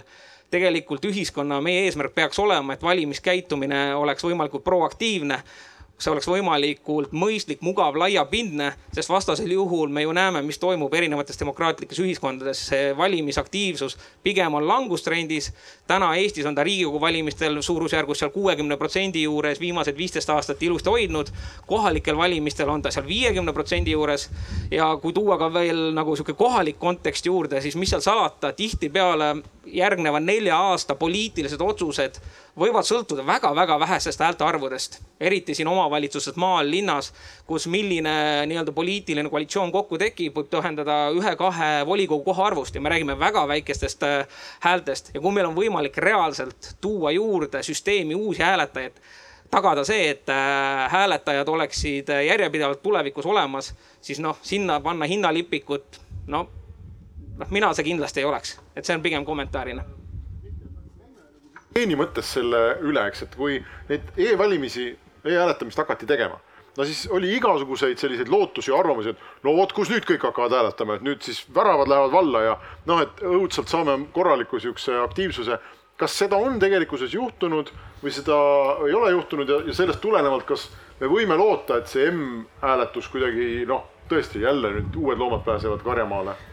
Äh, hõbe kuulda kindlasti ei ole e-valimised, kui tulid, lootus oli tegelikult valimisosalust, ma ütleks, et ei suurendanud. Äh, kui siis noh, see on natuke keeruline metodoloogiliselt kindlaks teha, on mingid hinnangud seal ka mingi paari protsendipunkti juures. aga noh, selle üle saab vaielda, sest see nii lihtne kindlaks teha äh, ei ole ma arvan, et e, M-valimistega saab sama teema olema, aga mida me noh, mida see tegelikult ju tähendab, et äh, ega seda ei tehta sellepärast, et nagu nii-öelda because we can, et tõesti, et teha see veel ühe kraadi võrra mugavamaks teatud seltskonnale. ja valimised peavad mugavad olema, sest noh, mida keerulisemad on, võrdleme mingeid teisi riike, kus ma ei tea, pead nädala sees äh, tööajast äh, hääletama minema, noh, valimisosalus on väga madal aga noh, mida me seal ikkagi süstemaatiliselt ka näeme, et e-valijate seas näiteks Eestis on tekkinud niisugune fenomen üle selle kümne aasta nüüd juba, et inimesed, kes on korra e-hääletanud, suure tõenäosusega hääletavad uuesti, noh, reeglina ka e-hääletavad, on ju. ehk siis nad jäävad roh-, suuremas protsendis hääletama kui paberhääletajad, kelle see, noh, igal, igas grupis on ju inimesi, kes osadel valimistel võib-olla osalevad, teistel mitte see on süstemaatiliselt kõrgem, see pidev osalus just eh, e-hääletajate keel, ehk siis ta, ta kuidagi nagu hoiab inimest eh, ilmselt selle mugavuse kiiruse, eh, kasutusmugavuse tõttu rohkem seal kasti juures käimas. siin täna mingi protsent, see kaks protsenti on kogu aeg läbi käinud, ma ei, ei mäleta, kes selle numbri esimesena ütles, mis number see on ja kust see tuleb? no natukene vist olen süüdi selles siin, mingitele numbritele otsa vaadata. ma oleks natukene konservatiivsem ähm,, aga jällegi Äh, valimisosalus on ju, äh, kas ta tuleb tingimata sellest, see suurenev valimisosalust mõjutavad X muid faktorid ka on ju, mis sinna juurde tulevad.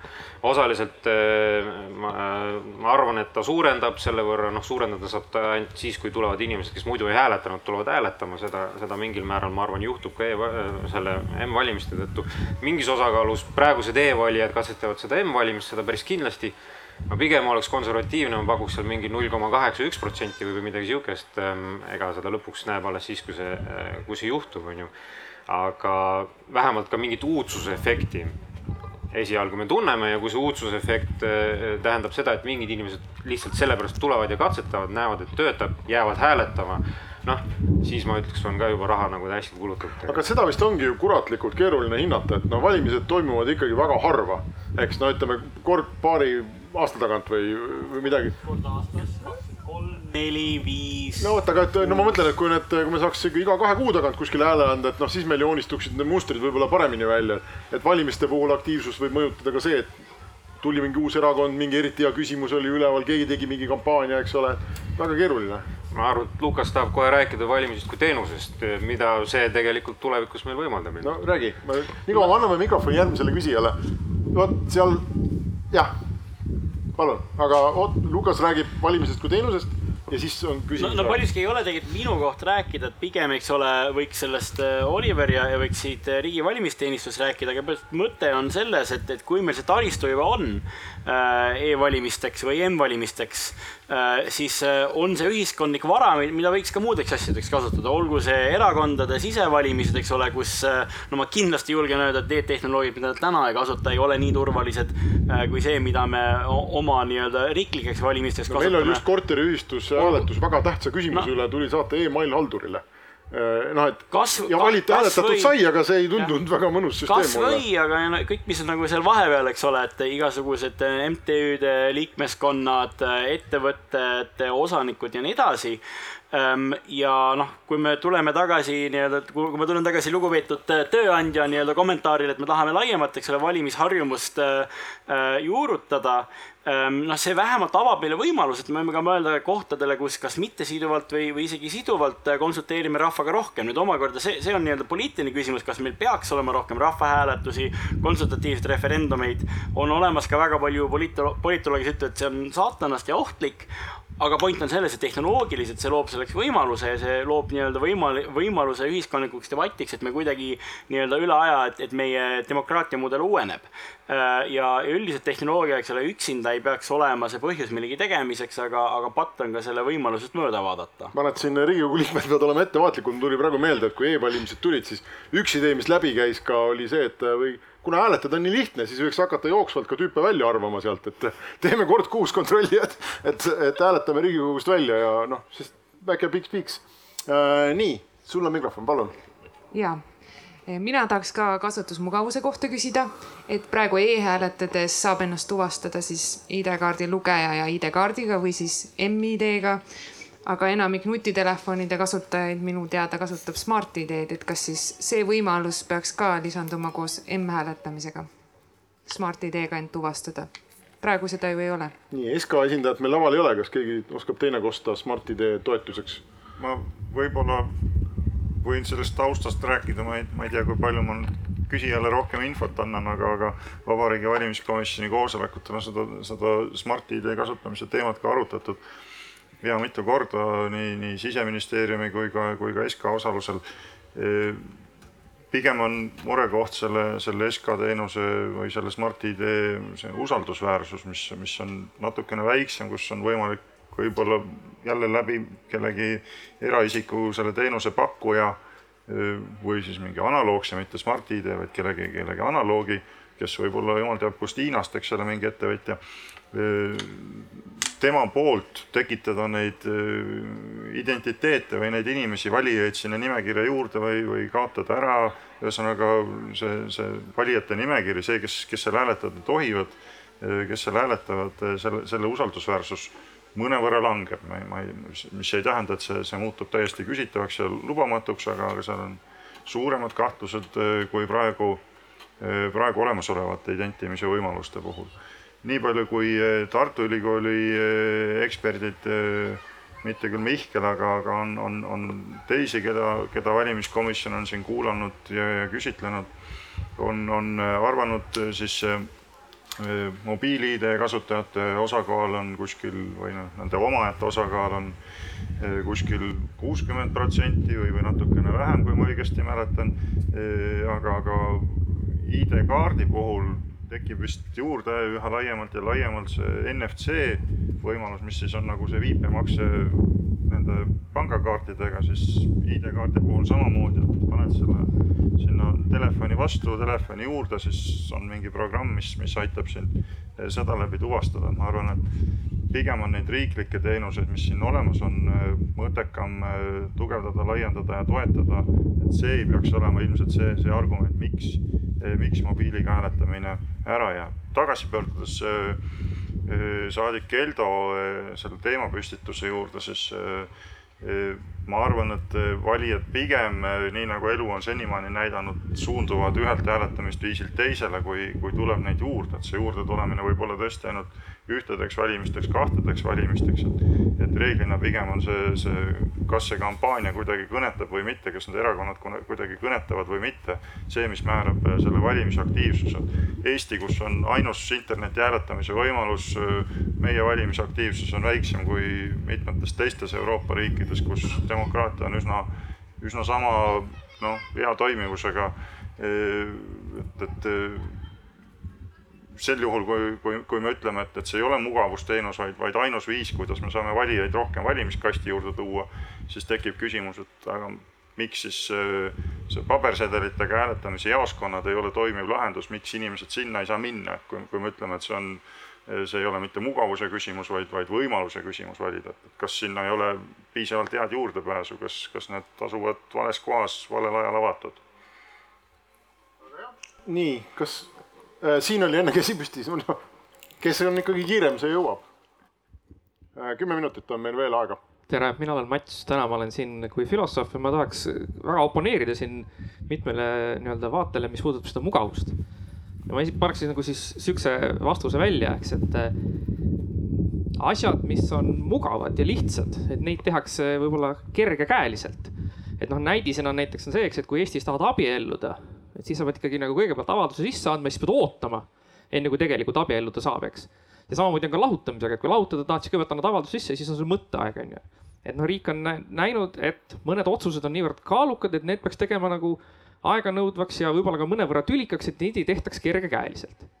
et noh, nagu, et kas äkki valimistega võiks ka olla nii, et kui see on liiga lihtne, on ju ja võib-olla ka ütleme see, millest Lukas räägib, et niisugune pidev kaasamine, et mul telefonis tuleb mingisugune niisugune see push notification, et vajuta nüüd siia, kas sa oled poolt või mitte.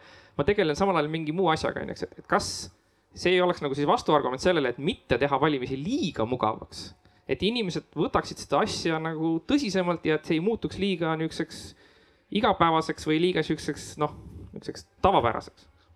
tahtsin seda enne Mihkel sinu käest ka muide küsida, nii et väga hea. jah Äh, ma vaidleks vastu, sest ähm, pöörame selle siis niimoodi, et ütleme, teeme valimised raskemaks kuidagi. sa paned küll nii-öelda ühe reegli, aga tegelikult inimestel äh, see raske on erinevalt raske. näiteks äh, riikides on ju, kus on nädala sees vaja hääletada, mis see tegelikult tähendab, see tähendab seda, et teatud seltskond, kes ei saa töölt ära minna, et hääletama minna, jääb tegelikult eemale sealt ja see on mittejuhuslik seltskond, see on inimesed, kellel on mingisugune liinitöö, mingisugused asjad, on ju. ja nendel on äh, süstemaatiliselt teistsugused mingisugused vajadused ja poliitilised hoiakud ilmselt ka, ühesõnaga tegelikult see reegel te, hakkab diskrimineerima mittejuhuslikult ja ma arvan, et ka kui me teeme nagu valimisi raskemaks, mitte ei paku juurde täiendavaid võimalusi kergemini hääletada, siis tegelikult vaikimisi juhtub sama asi ja noh, me näeme Eestis, see on igal pool täiesti tavaline, et mittevalijad on süstemaatiliselt teistsugused kui valijad. Ehm, teatud, teatud mingisugused asjaolud takistavad osadel äh, hääletama minemast osad äh, paberhääletamise puhul Eestis küll nädalavahetustel ainult hääletamine töötavad nädalavahetusel, näiteks on ju eelhääletamise ajal pole võib-olla ka võimalik minna, äh, sellepärast et jällegi samamoodi töö näiteks segab. Äh, interneti teel hääletamine võimaldab neil osaleda, ehk siis ma ütleks pigem see argument on see, et igasuguseid võimalusi juurde tuua just selleks, et tagada, et kõikidel, kellel on soov, oleks võimalus, sest raskem, raskemini hääletamine tähendab, et kellelgi lõikame võimalust ära tegelikult olgu, nii, seal nurgas on küsimus, jah? sa olid teine nii, aitäh. Äh, üks kommentaar, üks küsimus, et kommentaariks siis, et kuna siin on räägitud, kas üks protsent on seda väärt, et toon lihtsalt näite aasta kaks tuhat Floridas äh, Bush versus Al Gore vahe oli viissada kolmkümmend seitse häält. ehk siis USA valimismaatriksi või nii-öelda arvudest võrreldes oli null koma null null üheksa protsenti et selles mõttes kaks protsenti Eestis tähendab vist umbes mingi kakskümmend tuhat häält umbes, et see siiski on mingisugune arveldav, arveldav summa. Eh, küsimus on selles, et siin on nii-öelda see paneel jaguneb nagu kahte poole, et siin on nagu pessimistid turvalisuse alusel, kes on mingid muud argumendid ja siis on siuksed optimistid, kes on siuksed noh, tehnoloogia kasutaja mugavuse poolelt. ma pigem tahaks küsida siis nii-öelda VVK esindaja käest, mis need eeltingimused siis peaksid olema täidetud, et VVK otsustaks siis kas siis see aasta, järgmine aasta et siis näiteks RK kakskümmend kolm valimistel kasutab M-valimisi või siis kakskümmend neli valimistel. aitäh. Jah, kas selline nimekiri on olemas, kus saab teha linnukesi? ei, meil sihukest linnukeste, linnukestega nimekirja olemas ei ole, et, et nüüd on ammendavalt kõik kirjas. nagu ma enne ütlesin, siis eelkõige on valimised selline mitte ainult enamusotsustuse põhjal, et enamus otsustab, nüüd on valimised legitiimsed, vaid, vaid see peab olema kogu ühiskonda hõlmav selleks, et see, seda valimistulemust peaks usaldusväärseks ikkagi, ikkagi väga suur noh, osa ühiskonnast, et, et ei arvataks, et see Riigikogu on mingi tühi-tähi, et jõud ja võim on minu käes, sellepärast et ma usaldan is, ainult iseennast. et, et see eelkõige hõlmab sellist erakondadevahelist konsensust selles, selles süsteemis, mida me kasutame. kui on ikkagi kolmandik või, või, või rohkem või, või veerand isegi eh, erakondadest või, või nende toetajatest eh, peab sellist valimissüsteemi ebausaldusväärseks, eh, siis sellele rohelist teed anda on väga keeruline, ilma et me kujutaks ette, et, et me jõuame olukorda, kus, kus, kus peetakse noh, valimisi kuidagi ette ära otsustatuks kellegi nišitooteks, ütleme, mitte kogu ühiskonda hõlmavaks. Tehnoloogilise poole pealt on noh, neid riske siin loetletud, täna on kaks kõige olulisemat vähemalt neist läbi käinud, mis puudutab seda vaadeldavust ja, ja nende Apple'i ja, ja Google'i, Microsofti noh, toiminguid kogu selles protsessis ja seda, seda oma hääle kontrollimist QR koodiga või mingisugusel muul viisil, et, et need on need peamised kitsaskohad, loomulikult noh, see on teatud määral selline ühiskonna otsustuse küsimus, et kui palju neid riske me, me aktsepteerime, kui, kui, kui, kui laialdaselt me oleme nõus sellega, et et m-hääletamise tulemused tunnistatakse kehtetuks või m-hääletamine poole hääletamise peal peatatakse, sellepärast et me oleme seal leidnud riske, mis on suuremad, nii nagu, nii nagu Tarvi ütles, noh, seal on terve rida muid riske, mis on võib-olla üsna samalaadsed eh, ülejäänud e-hääletamisega, aga selle võrra lihtsalt protsentuaalselt suuremad. et eh, see me, me seni oleme õnnelikult elanud, et e-hääletamise puhul ei ole kordagi seda, seda olukorda tekkinud, kus inimene peab uuesti noh, piltlikult, piltlikult öeldes sinna valimiskasti juurde minema või uuesti e-hääletama hakkama. M-hääletamise puhul see, see tõenäosus lihtsalt suureneb, et see, see ei ole hea, hea väljavaade, aga, aga teatud määral me võime seda aktsepteerida selle mugavuse nimel. sa oled äh, täna vist äh, minu meelest juba teist korda mainisid seda, et sinu arvates see, kui me teeme selle muudatuse, et siis see peaks olema väga laialt ühiskonnas aktsepteeritud, eks, millest noh, ma loogiliselt nagu järeldan, et see peab olema väga laialt Riigikogus aktsepteeritud, sest Riigikogu no. esindab ühiskonda. kas sa oled, oled, oled sa seda konkreetsemalt sõnastanud, mis see tähendab, kas see on äh, sada protsenti Riigikogu häältest või iga fraktsiooni allkiri või mis see tähendab? no rahvusvahelised standardid ütlevad, soovitused ütlevad, et, et sellised põhimõttelised küsimused valimiste korralduses peaksid olema tehtud konsensuse või vähemalt väga laia toetuse põhjal, nii, nii üldised nad ongi. Ja, ja kui me leiame mingisuguse ühe väikse erakonna, kes, kes on sellele vastu, torpedeerib seda lahendust, siis võib-olla kogu ülejäänud ühiskond aktsepteerib, eks ole, siis, siis me võime sellega leppida ja niimoodi edasi elada, et, et me loomulikult peame veenma iga, iga ühiskonnaliiget, et see, see asi toimib äh, õigesti ja ausalt. et siin ka mingit kindlat, kindlat numbrit ees ei ole ja valimiskomisjonil seitse liiget, äh, osad neist arvavad, et äh, see vajab Riigikogu otsust, osad arvavad, et ei vaja, lõpuks sõltub see ka nendest tehnilistest lahendustest, mis me selle, selle QR koodi lugemise asemele pakume, et kui me suudame leida head tehnilised lahendused, siis mina arvan isiklikult, et seda saab otsustada lõpuks ka valimiskomisjon, ilma et oleks Riigikogu otsus seal taga. see, see ei pruugi olla sugugi mitte sama arvamus kõigil valimiskomisjoni liikmetel, nagu senine on elu näidanud, on ikkagi noh, arutamise, läbiarutamise küsimus. aga kui mõni, üks või kaks suuremat Riigikogu fraktsiooni on äh, selle vastu, siis on vist väga keeruline valimiskomisjonil öelda, ei, me teeme ikka. küsitav ja kaheldav kindlasti, jah ja võib-olla lihtsalt, eks ole, õnneks on meil ka seadused, mis, mis seda reguleerivad ja, ja on mingid küsimused, mis teoreetiliselt nõuavad seadusemuudatust, sõltuvad tehnilisest lahendusest, sel juhul mõistagi Riigikogu otsustabki seadusandjana, aga võib-olla natuke me ei ole lõpuni ära lahendanud seda, kas see on põhimõtteline valimiste muudatus või see on pigem tehniline muudatus. Ehm, ja, ja mina ikkagi arutelu algul esitasin väite, et olemuslikult äh, hüpe macOS-ist iOS-i ei erine sellest, kui me lähme, ma ei tea, macOS kümnest macOS üheteistkümnene, üheteistkümnele. ja, ja võib-olla mu nagu, mu küsimus olekski selles, noh, vastuküsimus Äh, meil on olnud olukordi viimase kümne aasta jooksul, kus üks või teine erakond äh, kahtleb e-valimiste turvalisuses mingiks ajaks, eks ole. Keskerakond äh, mõneks ajaks kahtles selles, siis muutis jälle hoiakut.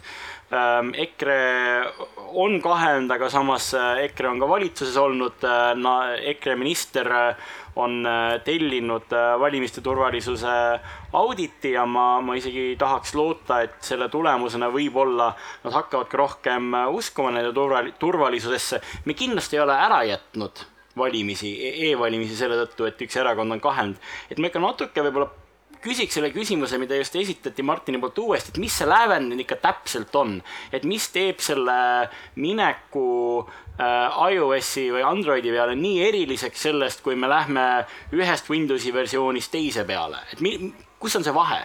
Sest me ei ole varem, me ei ole nagu teiste nii-öelda tehniliste e-valimiste muudatuste puhul e-, esitanud selle eelduse, et see peab nüüd nii-öelda uut laiapõhjalist konsensust nõudma peale selle laiapõhjalise konsensuse, mille me juba, eks ole, seitseteist aastat tagasi saavutasime, et meil on e-valimised.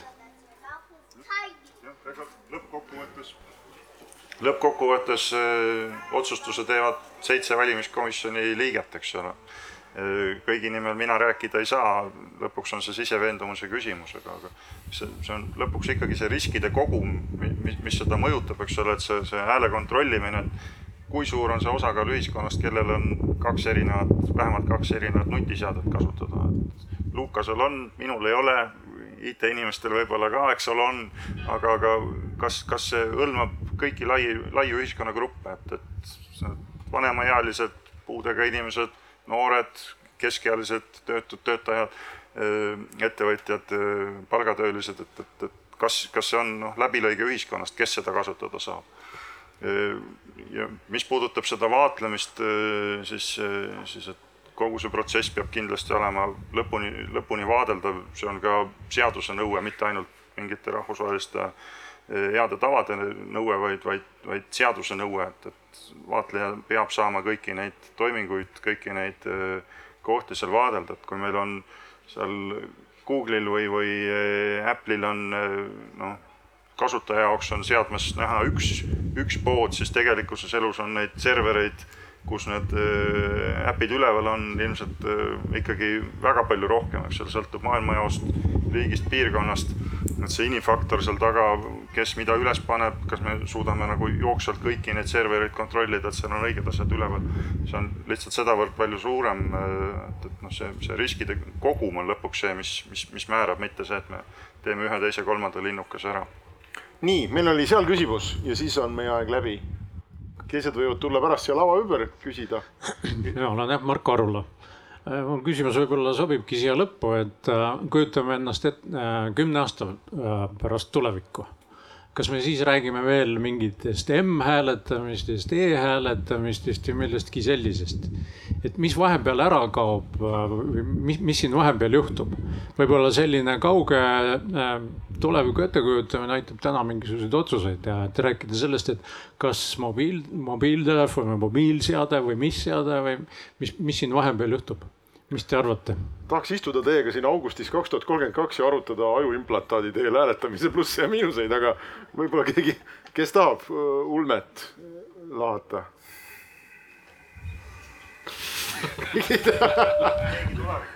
selles mõttes, et, et uh, ilmselge on see, et faksi teel hääletamist me tagasi ei too ja neid kirjatuvisi me ka tagasi ei too. kuhu tulevik viib, ilmselt, ilmselt uh, keegi ei tea, et on siin tuntud ülemaailm, ülemaailmselt tuntud ekspert arvanud, et kümne aasta pärast me keegi ei kasuta mingisuguseid nutiseadmeid, et see on siis juba täiesti out ja täielik minevik, et ei tea. hea, Tarvi. mina, mina, mina tahaks äh,, palju mina tahaks äh, loota, et me kümne aasta pärast äh, nii, niisugust äh, ebaturvalist valimisviisi nagu paberil hääletamine ei kasuta enam ma tahtsin täitsa lõpuks lõpetada ka, Tarvi, sinuga, et me saime siin Oliveri siin kõvasti nagu urgitseda Oliveri kallal, no kas sul on see nimekiri, et no mis siis peab juhtuma, et need tuleksid, eks. aga ma küsin nüüd selle lõpuks sinu jaoks ka, et kas sul on oma, ma ei tea, paberil, arvutis või mõttes mingi nimekiri, et mis peaks juhtuma, et noh, sa istuksid ja ütleksid, kuulge, okei okay,, et tegelikult no niimoodi saab teha küll. jah, kaks asja, me oleme päev otsa rääkinud nii, võtame kokku äkki palun. kontroll, hääle kohalejõudmise kontroll ja valijarakenduse levitamine. okei okay. kui kui need praegusel, e, need on problemaatilised, lahendust ei paista. vähemasti Miku, mitte sellist, mis sulle tundub. udu käib lihtsalt ja. praegu, lahendust ei paista, mingit niimoodi. ja, ja kui me need nüüd nendega laivi läheks, nende probleemidega, see tähendab valimiste turvalisuse langust ja seda ei tohiks teha, vähemalt rahuajal selge, me ei saa siit edasi minna, sest vastasel juhul tähendab, et me alustaks kogu selle vestlusega uuesti. aga ma arvan, et see on väga hea koht, kus lõpetada. Äh, aitäh kõigile panelistidele, aitäh suurepärasele publikule ja eks me siis näeme, kuidas me hääletame varsti. selge see, et ega tundi kõike teha. puudub laud ja mängida edasi me peame.